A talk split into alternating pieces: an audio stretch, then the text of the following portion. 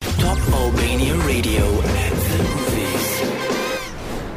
Ky është at the movies të dashur fansat e filmave dëgjues të Top Albania Radios jemi sërish në këtë të premte bashkë me Edean edhe me DJ XXL për të qëndruar me ju deri në orën 15. Përshëndetje. Përshëndetje.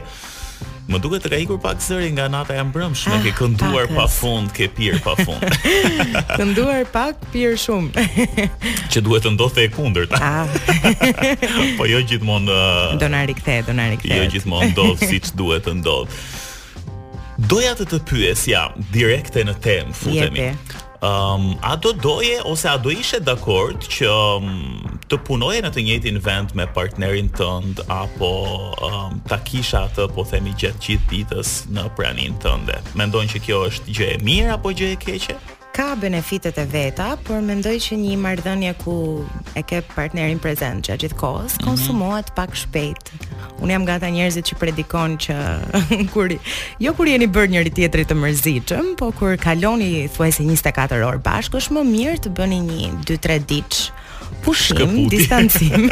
distancim fizik dhe social. Edhe emocional, më pas të riktheheni. Edhe unë jam i të njëjtit mendim. Në fakt kam përshtypjen që është pak e vështirë të qëndrosh sidomos në një ambient pune. Ta po bëra nga të lindi, hë, nga të lindi kjo pyetje, sepse në premierën e parë që do të flasim pas pak në Cineplex, mm -hmm. janë një çift shumë simpatik, të cilët luajnë bashkë në një film është uh, Harry Styles mm -hmm. dhe mhm. Olivia Wilde. Janë në fakt uh, çifti më i përfolur. Ëm um, momentalisht janë bashkë apo jo? Mm -hmm. Dhe uh, Di të them që në film nuk luajnë si çift, pra po janë pjesë e e të njëjtit uh, e të njëjtit film. Kështu okay. që mm -hmm. kam përshtypjen se do të jetë një gjë e bukur për tu parë. Tashi nuk e di sa ata të dy janë kënaqur apo janë zënë në set. Mendoj është një tjetër marrëdhënie e filmit, se filmi është zgjat, po themi, një vit xhirime maksimumi. Mm -hmm. dhe mbaron dhe ju e mbani mend si një eksperiencë e bukur, po çdo ditë për gjithmonë. Megjithatë duhet të ketë zgjatur pak xhirimi i filmit Don't Worry Darling, për të cilin do të flasim pas pak së bashku edhe me premierën tjetër Avatar, i cili rikthehet tashmë në një kualitet tjetër në 4K e kemi shijuar të gjithë pafund e sa sa herë e kemi parë, por kësaj radhe do ta shikojmë um, akoma në një cilësi më të mirë përpara se të shkojmë në dhjetor tek Avatar 2 apo jo. Do të flasim edhe për disa gjëra të tjera në vijim. Rikthehemi sërish në At the Movies. Jam këtu me Edin, me Dean. Ju që nuk më dëgjuat në pjesën e parë, po ju them se kush jemi edhe një herë.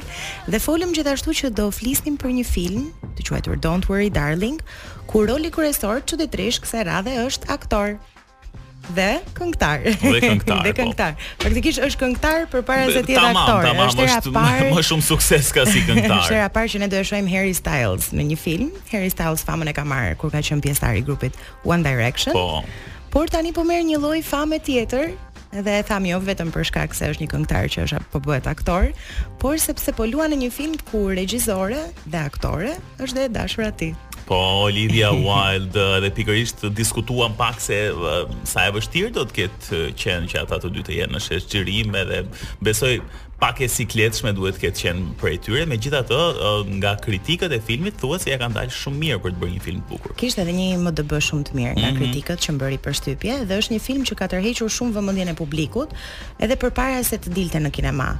Aktorja gjithashtu protagoniste tjetër, që është Florence Pugh, është një aktore që mua personalisht më ka lënë mbresa fantastike mbas filmit të saj Midsommar, që është një film pak, jo pak, është shumë thriller. Është thriller i zi komplet. Unë nuk e kam parë, por uh, e di shumë mirë se për cilin film bëhet. Pra, aktrimi i saj ishte fenomenal për mm -hmm. mendimin tim. Don't Worry Darling tregon historinë e një çifti perfekt në pamje të parë, të cilët jetojnë në një komunitet të quajtur Victory. Për të gjithë ju që e keni parë filmin Stepford Wives me Nicole Kidman, ku gratë ishin shndërruar në robotë nga burrat e tyre, po ju them që Don't Worry Darling rrotullohet rreth së njëjtës ide minus shndërrimin e grave në robotë. Ndërkohë, uh, po ecim pak me trailerin tani ta dëgjojmë pak në sfond ndërkohë që flasim. Tani në komunitetin ku çifti jeton, burrat kalojnë pjesën më të madhe të ditës duke punuar mbi një projekt sekret. Ndërsa gratë shijojnë shtëpitë luksoze e jetët që në pamje të parë duken perfekte, por kjo qetësi nuk zgjat shumë, apo jo? Normalisht. Do ishte do ishte shumë e thjeshtë të vazhdonte. Pikërisht, çfarë të çuditshme do të kishte në këtë film nëse gjithçka do vazhdonte ashtu. Por kur pikërisht Alice, pra personazhi që luhet nga Florence, po themi, fillon e kupton që ka diçka që s'shkon në atë ambient, atëherë po, gjërat po. fillojnë e marrin një kthesë tjetër. Po se si vazhdon, sigurisht duhet të shikojmë filmin e plotë, se ne nuk mund ta zbulojmë të gjithin këtu. Kështu që Don't Worry Darling është një zgjidhje shumë uh, ideale, po themi, uh, për të parë edhe të gjithë ju që keni uh, qejf Harry Styles si aktor, si këngëtar, mbase për të parë po themi edhe këtë këtë çift shumë interesant të cilët kanë bërë bujë edhe në rrjetet sociale. Megjithatë, kjo nuk është premiera e vetme. Jemi tani tek uh, Avatar, ndryshojmë mm. tërësisht atmosferë, edhe kemi edhe Avatar, i cili nuk është Avatar i ri sepse atë duhet presim edhe pak uh, ditë, po themi, deri në dhjetor ose pak javë. Sepse ky vjen në një format katër K, pra është filmi që kemi parë të gjithë që u publikua në dy mijë e nëntë, në mos gaboj dhe tashmë vjen në një format katër K me cilësi dhe i rimasterizuar po themi jashtëzakonisht të mirë. Kështu që historia është e njëjtë, e njohim të gjithë pjesën e e Avatar, nuk e di Ti kur e ke parë? E ke parë kur ka dalë? E kam parë fiks kur ka dalë, po themi ka qenë 12 vite më parë, do kem qenë diku ke 11 vjeç. Edhe faktikisht at aso kohe nuk e kisha aq shumë qejf fantashkencën, mm. por kam ngelur e befasuar, mund ta kem parë mbi 10 herë si film. Ka shumë gjëra ai film sepse theu shumë tabu e para sepse uh, po themi uh, teknologjia që është përdorur dhe efektet speciale ndryshuan tërësisht mënyrën se si u bënë më pas filmat fantashkencë. Korri dhe shumë sukses monetar. Po, ishte një çmenduri. Një ndër filmat më të arkëtuar, um, personazhet ishin gjithashtu, po themi një miks i kulturave kineze, persishtja e mhm. lashtë etj etj që nuk ishte parë ndonjëherë në ndonjë film i kombinuar kaq bukur, kështu që teksa ne presim Avatar 2 që del më 15 dhjetor, Mbase është është e ke parasysh kur rikthehemi të shohim një serial ë uh, sezonin e dytë dhe gjithmonë shohim pak atë pjesën e parë për ta lidhur edhe për ta kujtuar edhe pjesën. Edhe do e sugjeroja shumë edhe për familjarët, sepse ne e kemi mm. parë vetë fëmijë, edhe mendoj që ky brezi i ri nuk ka arritur ta kanë pasur shumë opsione të tjera për Pafund, pafund. Kështu që, që të shohin avatarin. Po nuk është habi që nuk e kanë parë, e vërtetë është kjo që thua. Të shohin avatarin dhe më pas do ta kenë shumë më të lehtë për ta lidhur me Avatar The Way of Water që del në dhjetor e padyshim do të jetë edhe në Cineplexx. Po ne do të ndalemi në pjesën e dytë të programit më shumë tek Avatar, do të sjellim disa mm -hmm. fakte interesante të këtij Avatari pra të 2009-s dhe më pas të atij që pritet të publikohet më 15 dhjetor që është Avatar The Way of Water. Jemi nën tingujt e I See You, nga Leona Lewis është në fakt edhe kolonë zanore e Avatar për të cilin do të vijojmë të flasim edhe në këto momente. Do të flasim pak për Avatar të 2009-ës fillimisht dhe që vjen në Cineplexx si premierë tashmë në 4K um, në një pamje krejt të re, shumë të magjishme. Do jetë përsëri 3D apo jo? Ja? Po, patjetër, do jetë mm -hmm. 3D, por në 4K tashmë, domethënë janë këto gjuhë teknike, më reale, që imagjino se sa bukur do të duken. Por flasim pak për disa fakte interesante të Avatar, fillimisht, siç thamë, të 2009-ës dhe më pas do të jemi tek ai që pritet të publikohet më 15 dhjetor. Në film të Avatar 2009, tingujt e kafshëve të Pandorës, Pandora për të gjithë ju që nuk e dini dhe thoni çfarë është kjo, është planeti ku zhvillohen ngjarjet e Avatar, janë reale, jo të krijuara me efekte speciale aty. Kur ta shikoni filmin do kuptoni që ka shumë kafshë nga më të ndryshmet që sigurisht janë në pamje të krijuara, po themi se nuk janë kafshë reale, ka përbindësha shumë të frikshëm etj etj, por që uh, po themi ato hungërimat, tingujt që lëshojnë mm -hmm. kafshët janë marrë në xhungël edhe i janë atribuar më pas kafshëve të tjera. Edhe me sa duket për çdo gjë ata kanë dashur që të jetë reale, po, sepse dhe kostumet e fisit Navi janë të vërteta dhe nuk janë të krijuara në ekranin jeshil. Edhe kjo ishte shumë interesante dhe në fakt tek kostumet e tyre pashë që kishin vendosur disa proteza dhe disa nuk e di se si quhen po themi në gjuhën teknike që mimikat e njerëzve të dalin sa më reale pavarësisht se uh, ishin po themi nën kostumin e Avatar. Gjithashtu edhe këmbët e Jake personazhit kryesor nuk janë të bëra me efekt, por uh, sepse ai është i paralizuar në një karrige me rrota, Dhe këmbët e tij, po themi, janë marrë nga një paraplegjik dhe janë bërë sërish nga e para, po themi me plastikë dhe gomë dhe janë vendosur te karrigia e Jake, pra nuk është se janë edhe ato CGI siç thuhet ndryshe, po janë këmbë jo të vërteta, po këmbë plastike ama që nuk po themi nuk janë me efekt, por janë aty, ndodhen mhm. aty. James Cameron ishte faktikisht i pari që përdori dy kamera 3D gjatë xhirimit të filmit. Mm. Kur lexova pashë që unë kisha një ide që Avatari ishte filmi i parë 3D që ka dalë në kinema. Faktikisht kishte edhe disa filma të tjerë jo indianë, po, jo nuk është i pari, por por ishte i pari që bëri publikun të krijojë një ide komplet tjetër. Edhe unë në fillim, kur kam qenë e vogël, kam qenë vërtet fëmijë, mm -hmm. po kisha një lloj paragjykimi, thoja, Ndoshta i gjithë filmi varet nga efektet speciale dhe nuk është se ka plot ose nuk është se ka një moment kulminant, por e kisha gabim dhe avatari nuk më ka hapur vetëm mua sytë, po ia paska hapur shumë njerëzve me sa duket. E thashë edhe pak më parë se gjuha e avatarëve uh, ose e fisit Navi u bazua tek persishtja dhe kinezishtja e vjetër. Shpeshherë ata flasin në gjuhën e tyre sepse filmi sigurisht është në gjuhën angleze, por ka momente ku flasin këtë gjuhën e tyre Që siç duket është bazuar te këto dy gjuhë shumë të vjetra. Kur lexoj këto faktet kuptoj vërtet atë shprehjen që djalli fshihet ke detajet. po janë detaje shumë interesante. Kameruni faktikisht punësoi një botanist për të kuptuar më mirë florën e Pandorës. Domethënë janë marrë me detajet më të vogla mm. që çdo gjë të jetë reale, çdo gjë duket e vërtetë. Ajo pema e jetës, Për shembull, mm -hmm. është një mhm. pemë jete që ekziston diku në Afrikë, në mos gaboj, që edhe ajo ka një legjendë shumë interesante që nëse një ditë ajo nuk do ekzistojë më, është një shenjë, po themi se mbase uh, toka është drejt viteve të fundit të saj.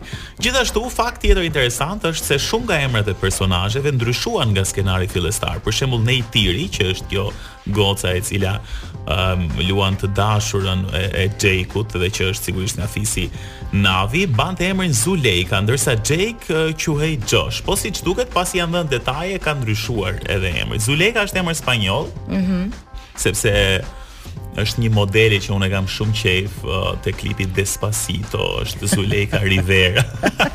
dhe aty e kam fiksuar këtë emër, po. E kam pasur crush për një periudhë të gjatë Zulejkën, tani jo më. Pse çfarë ndryshoi ke Zulejka që ti s'e ke më crush? Jo, ndryshoi tek unë Zulejka. Okej. Zulejka është po aq e bukur dhe po aq e mirë, po uh, kuptova që nuk kishim asnjë shans së bashku dhe hoqa dorë.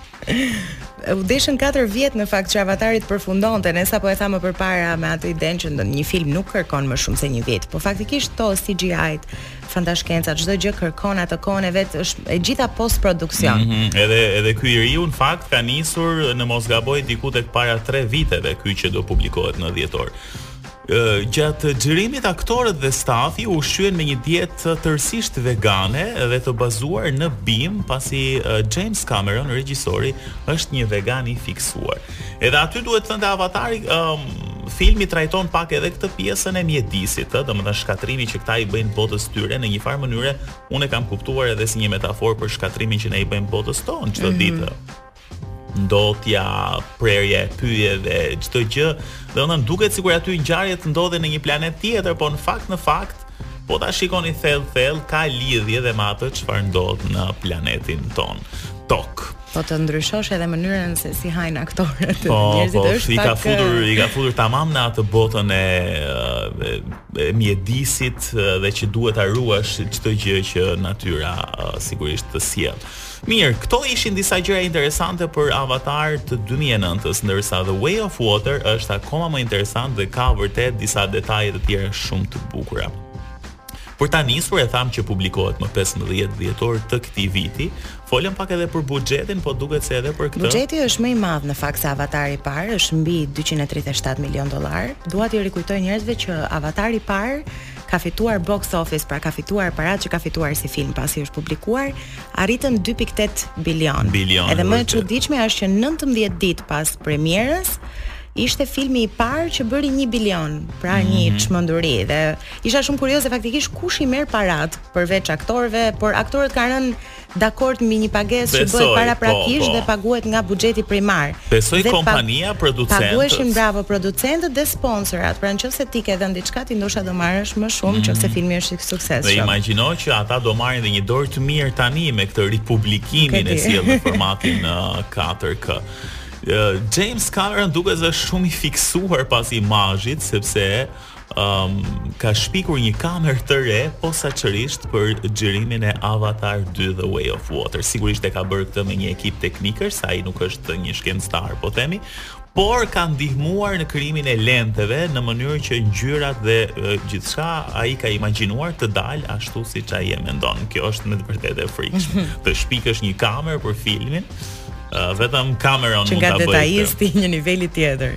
Po. Pritet në fakt që të ketë edhe avatar të tjerë, me të fundit avatar 5-ën që pritet të publikohet në 2028-ën. 2 3 4 5, duket se do vinë diku tek uh, me nga 4 ose 5 vjet diferencë ose diçka më shumë. Por do prodhohen më shpejt sepse të tjerët kanë dashur po, më 4 shumë, vite po. për të bërë një vit 12 vite po, diferencë. Po, besoj në një rang kohor prej 2 vitesh do të dalin uh, edhe këto uh, tre të tjerët. I bie me të fundit në 2028-ën. Pothuajse të gjithë yjet e Avatar 1 rikthehen, Sam Worthington, Zoe Saldana, Stephen Lang, ndërsa surprizë është ardhja e Vin Diesel dhe Kate Winslet, ëh, dyshe shumë e mirë. Shumë e mirë. Edhe unë ashtu mendoj. Mezi po pres të shoh Vin Diesel sidomos. Kurse unë Kate Winslet. në fakt shumica e filmit zhvillohet në një ambient nënujor. Edhe po, prandaj jo më kot quhet uh, The Way of Mm. Water. Ë, Dhe bazuar te kjo gjë, ë, të gjithë aktorët janë trajnuar për zhytje dhe teknika të tjera përpara se të xhironin filmin. Sigurisht ata kanë, po themi, njerëz të tjerë që merren me këtë punë, që janë dublantët, por duhet edhe vetë që Ashtu si në filmat aksion që trajnohen shumë për të bërë, po themi gjëra që nuk i kanë bërë më përpara dhe në këtë film zhytja ka qenë pika kryesore. Këto ishin disa nga gjërat më interesante të Avatar dhe Avatar 2. Avatarin e rimasterizuar e gjeni tashmë në Cineplexx, ndërkohë që Avatar 2 vjen në 15 dhjetor. Do t'ju them pas pak një gjë shumë interesante që ndodh në Cineplexx pikërisht me ardhjen e Avatar. Por këtë që do themi tani, se nuk e kuptova nëse do futeshim apo jo. Po më vinte të thoja vini re, vini re. Dhe ke parasysh kur thuhet një gjë, para shumë vite. Donim t'ju thonim që këtë të diel në 25 shtator i bie në Cineplexx TEG dhe QTU çdo biletë do të kushtojë vetëm 200 lekë gjatë gjithë ditës. Biletat janë në shitje, kështu që ju mund të nxitoni pranë sporteleve ose në aplikacionin Cineplexx AL 200 lekë më për çdo film që për çdo film, vetëm po t'jua falim. Në fakt ne edhe ju japim bileta këtu në At The Movies, por 200 lekë uh, vërtet ia vlen për të parë një super film të dielën nga shumë premierat që tashmë i keni në Cineplexx. Ndërkohë, ne kemi edhe një fitues meqë jemi tek biletat për kuicin e mhm. javës së kaluar, që në fakt kishim uh, postuar në Instagram foton e një aktori dhe përgjigjen e saktë dhe i pari e ka dhënë Vangjeli i cili ka gjetur aktorin Tom Holland.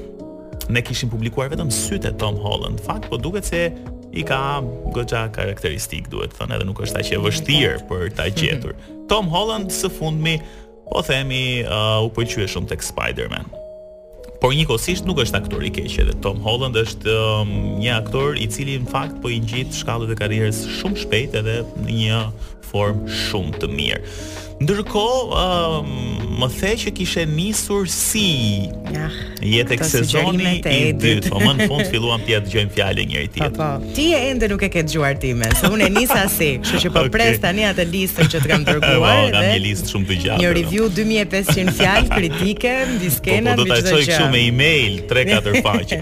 Megjithatë si uh, e nisa See deri tani ka rezultuar i mirë apo jo? Jam në sezonin e dytë, në serinë e katërt. Kjo gjëja nisi para dy ditësh, që do thotë e ke parë ekstremisht shpejt. Shumë.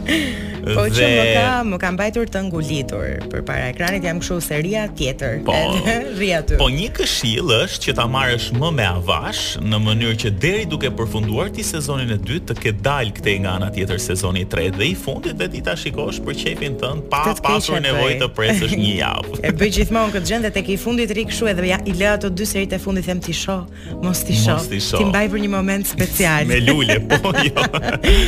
një tjetër uh, serial që i kam sugjeruar Edeas është Dark. Në fakt, megjithëse ai do pak më shumë impenjim se është pak më i gjatë, ka një tre sezone, mm -hmm. dhe seritë janë pak më të gjata dhe janë më shumë, por producentët e Dark, këtë ma the ti, domethënë, imagjino sa jemi ndërthurur tani. producentët e Dark që unë i kam sugjeruar Edeas kanë bërë një serial të ri, i cili quhet 1899. Është një vit i mallkuar duket të paktën nga traileri dhe ë uh, Është shumë i klikuar njeri, ishte klikuar mbi 4 milion herë traileri. Edhe mua vetë në Netflix, ngaqë më dalin sugjerimet në bazë të gjërave që shikoj, po. ishte i pari që pashë traileri i parë që më doli te notification mm -hmm. se dhe e bëra direkt që notify me when it's out. When it's out dhe me sa uh, hulumtova unë ai do të publikohet në nëntor të këtij viti. Mm -hmm. Është një anije. Për ditëlindjen time, me sa duket. me sa duket, me siguri.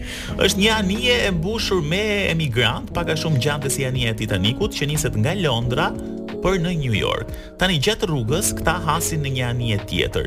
Dhe sigurisht një anije e braktisur, afrohen për të parë çfarë ka ndodhur aty. Ajo, ajo çfarë gjejnë aty ndryshon përgjithmonë rrugëtimin e tyre. Kaq, s'do themi më shumë. Presim deri në nëntor kur do të publikohet 1899. Kemi mbërritur në fund, më duket? Kemi mbërritur në fund. Kemi mbërritur në fund dhe faleminderit që qëndruat uh, me ne përgjatë këtyre minutave.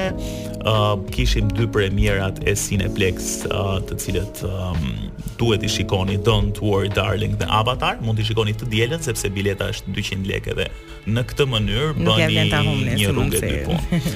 Bashkë jemi sërish të premten e ardhshme. Kalofshi bukur, mirë ju gjetshim.